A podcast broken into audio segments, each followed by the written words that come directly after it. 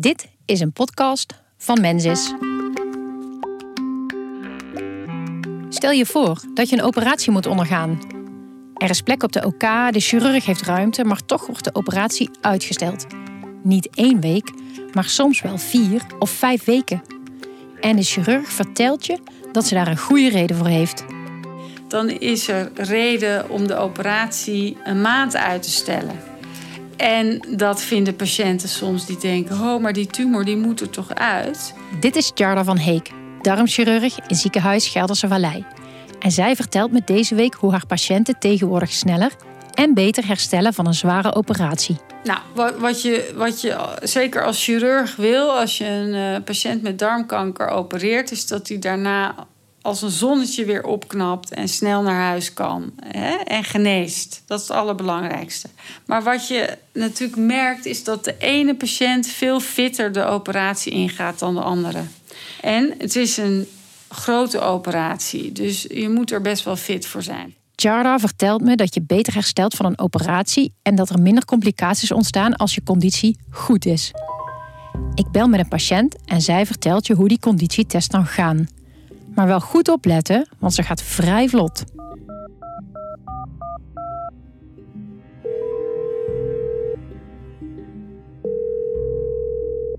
Ja, gewoon uh, erop staan en dat ding een beetje aanzetten en dan lopen gewoon. Oh, en dan krijg ik die hartbewaking en ding op me, van, uh, weet je wel. De, de, de doppen krijg ik dan op mijn lijf, zeg maar. Dan kunnen ze zien hoeveel ik dan uh, heb en de, weet ik, al die toestanden. Dit is Ali en uit haar test bleek dat ze niet fit genoeg was voor een zware darmoperatie.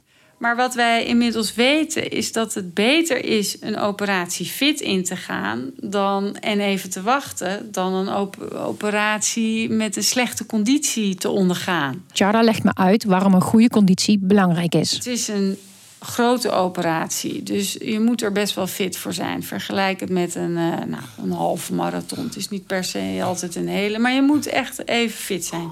Het is echt een zware operatie en het helpt om te trainen. En dan krijgen ze een heel intensief trainingsprogramma. Uh, zo vlak bij huis mogelijk door de fysiotherapiepraktijk.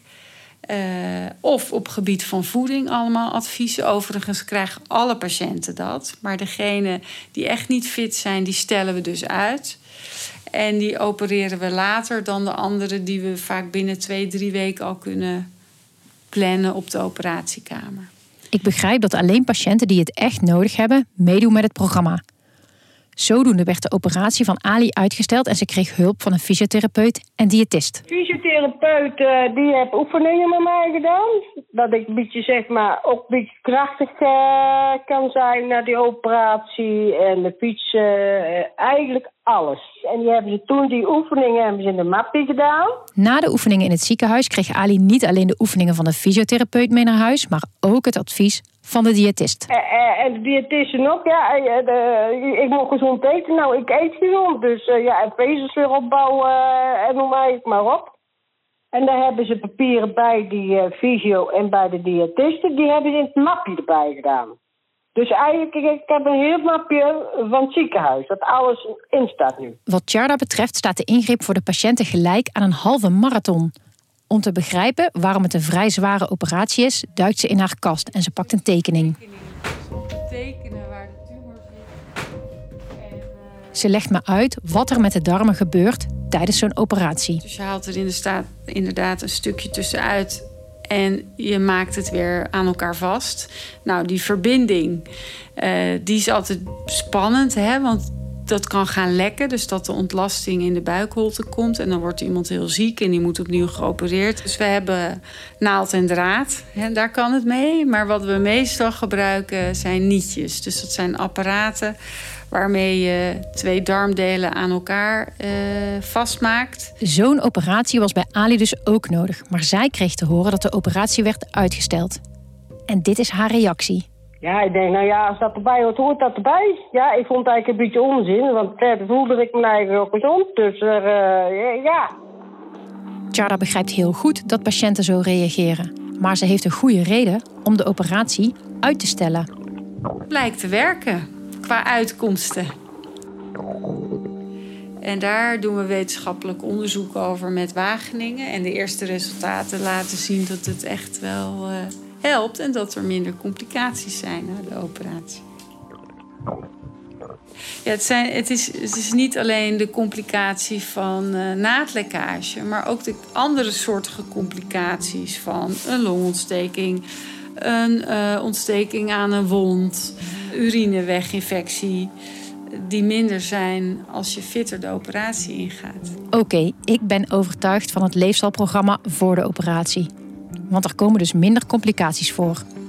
Maar ik ben ook benieuwd hoe de behandeling in het ziekenhuis nu anders is dan voorheen. Nou, wat wel grappig misschien is om te weten, is wij lieten dus mensen dagen niet eten. Uh, na de operatie om maar zo min mogelijk ontlasting langs die verbinding te laten uh, lopen. Nou, dat is uh, helemaal verlaten, want dat heeft, behalve dat het geen zin heeft, werkt het zelfs averechts. Dus patiënten die geopereerd zijn, gaan meteen naar de afdeling, worden rechtop gezet, uit bed gehaald en ze gaan eten. En toen middags, uh, dat ik weer op de uitslaapkamer werd ik wakker. En uh, ja, ik was zo vrolijk als piek. Ik kon gelijk eten, dus er hangt daar een telefoon. Dan kan je bellen naar een nummer. En dan krijg je die uh, restaurant, zeg maar. En dan geef je door wat je wil eten. Want hij is zo'n kaart, zeg maar, daar bij het bed. Charda legt me uit dat als de operatie goed gaat... er ook geen eten door je darmen in je buik kan komen. Nou, kijk, die verbinding is als het goed is waterdicht. Dus het zou niet erg moeten zijn dat daar ontlasting uh, langskomt. In mijn oren klinkt het echt een beetje gek. In je darmen zit toch een wond? Gaat dat dan niet ontsteken? Uh, ontsteken gaat het altijd een beetje. Want een ontstekingsreactie kan ook weer genezend werken. Dus als het gaat, mag je gewoon eten en mag je bestellen wat je wilt. En je moet natuurlijk wel goed kouwen. Maar dat moeten we allemaal. Oh ja? Waarom moeten we goed kouwen? Nou, dat je niet grote brokken door je darmstelsel jaagt en om de enzymen erbij te laten komen voor de vertering. Van onze oma's moesten we 32 keer kouwen, toch? Nou, mijn oma vertelde me dat ik een lang hemd aan moet. Maar onze oma's zouden het vast eens zijn geweest. Dat je maar beter naar ze kan luisteren. Waarom het belangrijk is, is omdat je je voedingsstoffen nodig hebt om te herstellen. Als jij een tijd lang geen eiwitten binnenkrijgt of geen vezels binnenkrijgt, zijn weliswaar twee aparte zaken, dan uh, word je katabol. Dus dan ga je afbreken in plaats van opbouwen.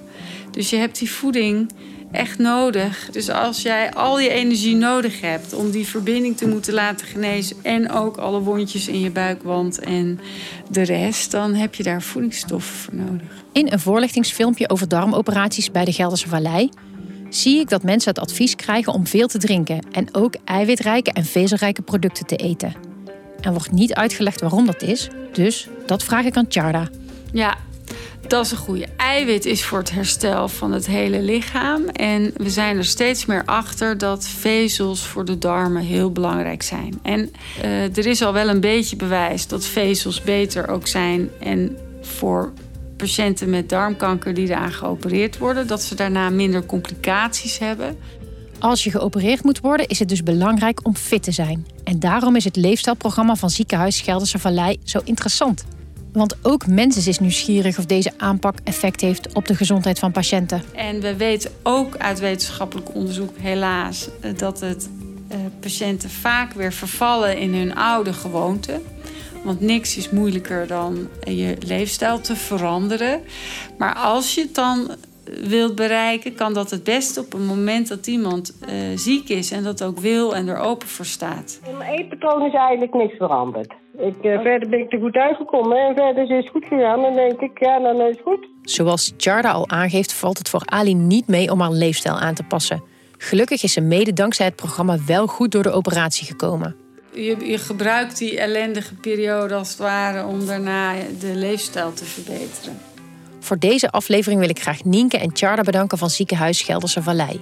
Op de website van het ziekenhuis vind je meer over het programma. Wil je weten hoe mensen je kan helpen bij een gezondere leefstijl? Ga dan naar mensis.nl/slash meerleefkracht.